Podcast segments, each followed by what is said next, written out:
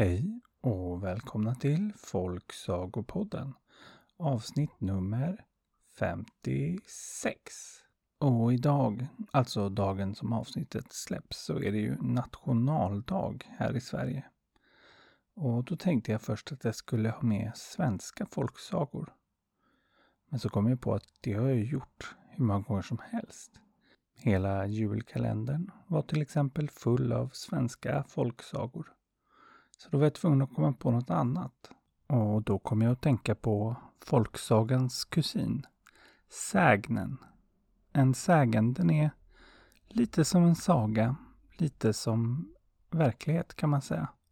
Oftast så handlar den om en plats som finns eller en person som har funnits och blandar lite verklighet och lite fantasi. Och ganska ofta finns det med någon magisk varelse som ett spöke eller kanske en varulv. Det har varit med sägner i Folksagopodden förut. Till exempel i en av sommarspecialerna från förra sommaren. Där det var sägner från skärgården. Och till dagens avsnitt har jag hittat sägner med hjälp av institutionen för språk och folkminnens sägenkarta. Där kan man klicka sig runt på en karta, typ som på Google Maps. Fast istället för bensinmackar eller adresser så hittar man sägner. Och här kommer den första sägnen från Surteby, en bit utanför Göteborg, som handlar om en tomte.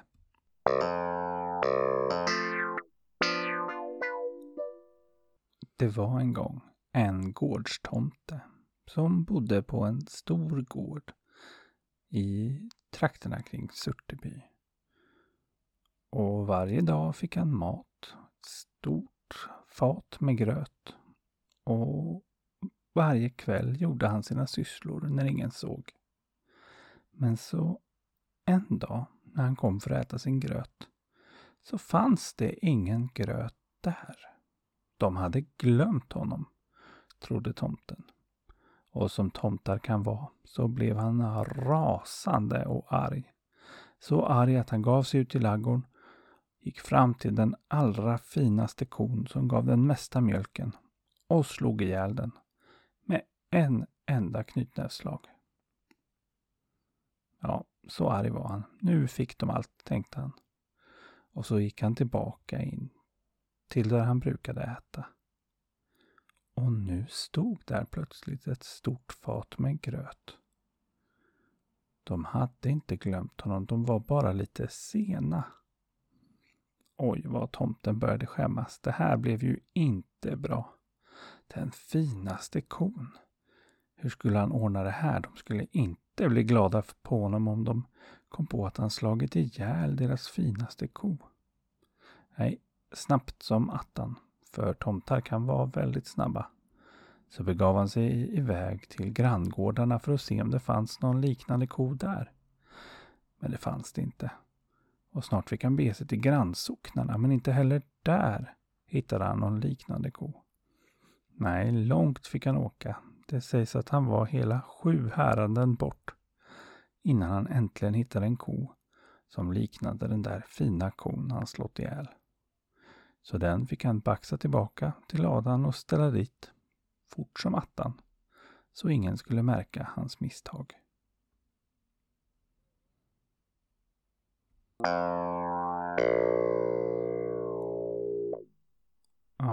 Vad arga de kan bli de där tomtarna. Och vilket ordentligt jobb han behövde göra för att sona sitt misstag. Det gäller att tänka efter innan man slår ihjäl en ko, som jag brukar säga. Vi hoppar till andra sidan Sverige. Här kommer en sägen från Värmdö, som ju ligger alldeles vid Stockholm.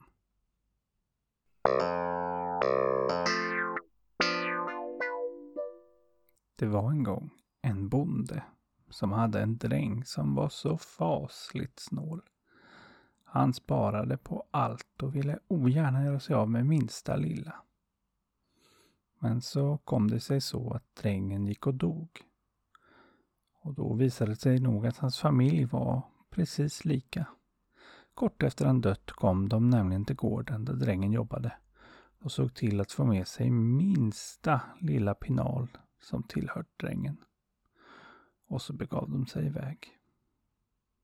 Men så en dag, när bonden var ute i en av ladugårdarna, så hittade han en keps som hade tillhört den snåla drängen.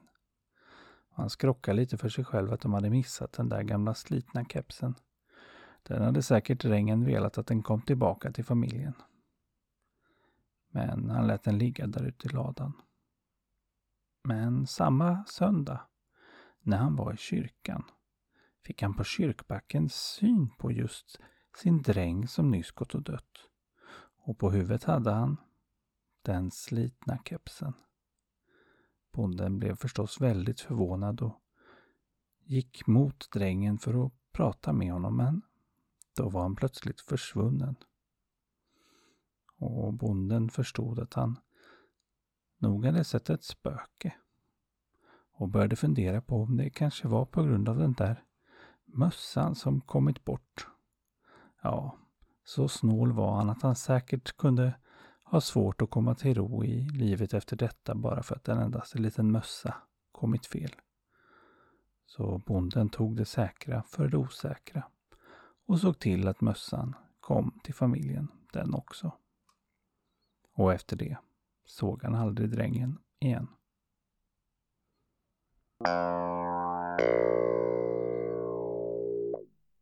Ja, rätt ska vara rätt antar jag. Men det verkar jobbigt att komma tillbaka och spöka bara för en gammal sliten mössa som man dessutom glömt. Jag ska förresten erkänna att jag fuskar lite med hur en sägen borde berättas. Ja, det här är ju trots allt en sagopodd, ingen sägenpodd. För en sägen brukar inte börja med ”det var en gång”. Utan istället brukar den berättas som om den var sann. Det är det som är grejen med sägner. Men jag har så svårt att hålla mig från att börja med ”det var en gång”. Så jag kör på det ändå. Nu åker vi norrut till strax utanför Luleå i Gammelsta. Eller ska man säga Gammelstad? Ja, inte vet jag. Men här kommer i alla fall en sägen om kyrkan där.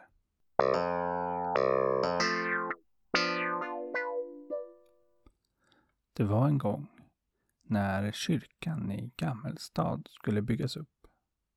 Då dök det upp tre jättar som erbjöd sig att bygga kyrkan alldeles gratis.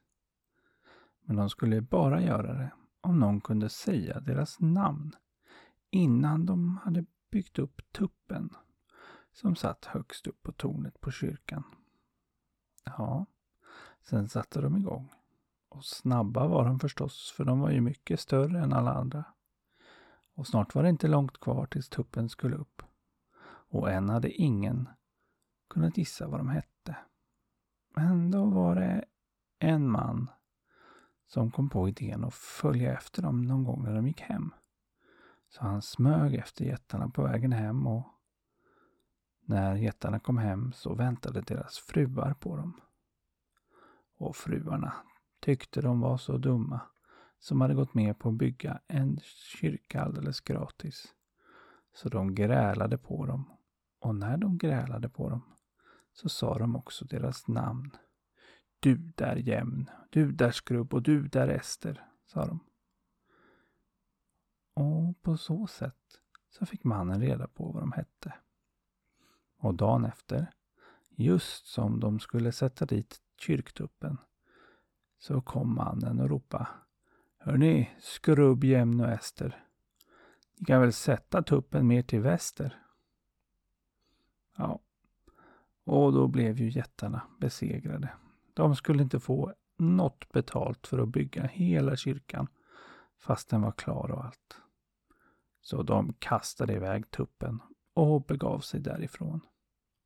Och än en dag, om man besöker Gammelsta, så ser man att kyrkan saknar kyrktupp.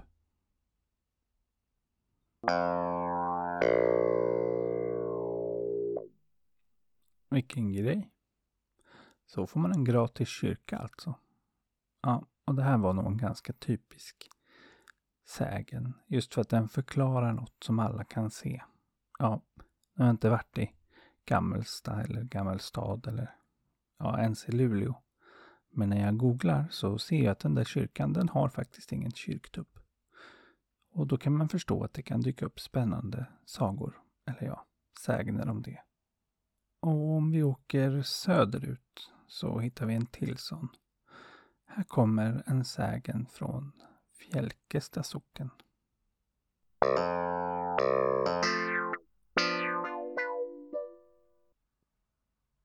Det var en gång när kung Kristian den fjärde gjorde ett besök för att jaga vid ett gods som tillhörde Allön. Han jagade länge, en hel dag och till slut var han trött. Och då satte han sig under ett fint bokträd och där somnade han. Kristian drömde att han såg ett stort, vackert tempel. Där vandrade han runt bland stora pelare. Och framme vid altaret hängde en Jesusbild. Och så fick han syn på att på en av pelarna stod hans eget namn. Och han tyckte det var så vackert där inne.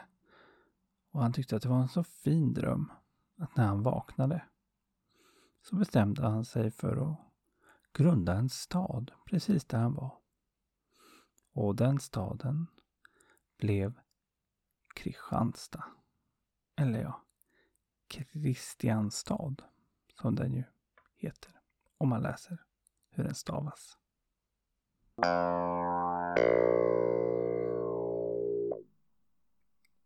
Ja, det var en till sån där förklaringssägen som ju skulle kunna vara sann.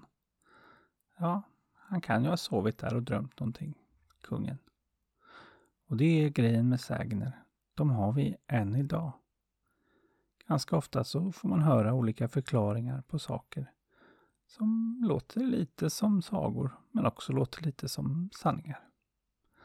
Det är väl som moderna sägner. Nu har vi varit i alla fyra väderstreck i Sverige. Och då tar vi väl den sista sägen någonstans från mitten. Och exakt var mitten av Sverige ligger, det är tydligen inte helt lätt att ta reda på. Märker jag när jag försöker googla. Men eh, jag är ju från Stockholm så att eh, jag får i alla fall förstå att den är betydligt högre upp än vad jag tänker mig. Så här kommer en sägen från Ångermanland.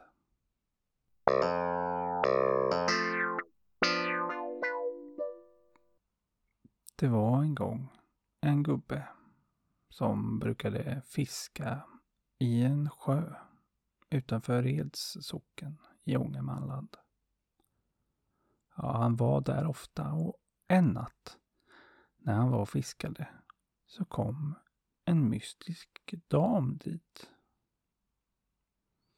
Och hon hade med sig ett litet barn som var alldeles naket. Det var en ganska kall natt. Så mannen han gav sin skjorta till det lilla barnet och damen hon tackade så mycket och försvann iväg. Och mannen förstod att han varit med om något mystiskt. Men tänkte väl inte mer på det. Och så kom midsommar. Och då var han återigen vid sjön och fiskade. Och mitt i natten så kom den mystiska damen tillbaka och räckte över en stor skjorta till honom. Och sa att den skulle han ha som tack för att han lånat ut sin skjorta till barnet.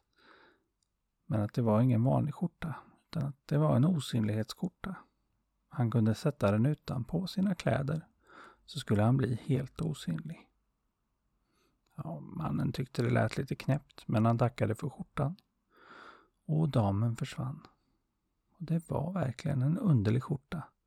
Oavsett om den var osynlighetsgörande eller inte. För den var väldigt stor. Och den var gjord av något slags tyg han aldrig sett förut. Och den var också så himla tunn. Han kunde lätt ha den utanpå sina kläder. Och den gick att vika ihop. Så att den blev så liten att han till och med kunde ha den i plånboken. Och där blev den liggande ett tag. Ja, han trodde nog inte riktigt på att den kunde göra honom osynlig. Tills han en söndag fick för sig att ändå prova. Så innan han gick till kyrkan drog han på sig den. Och när han kom fram till kyrkan så var det inte en enda som hälsade på honom och några som gick rakt in i honom. Och då förstod han att hans osynlighetsskjorta var riktig.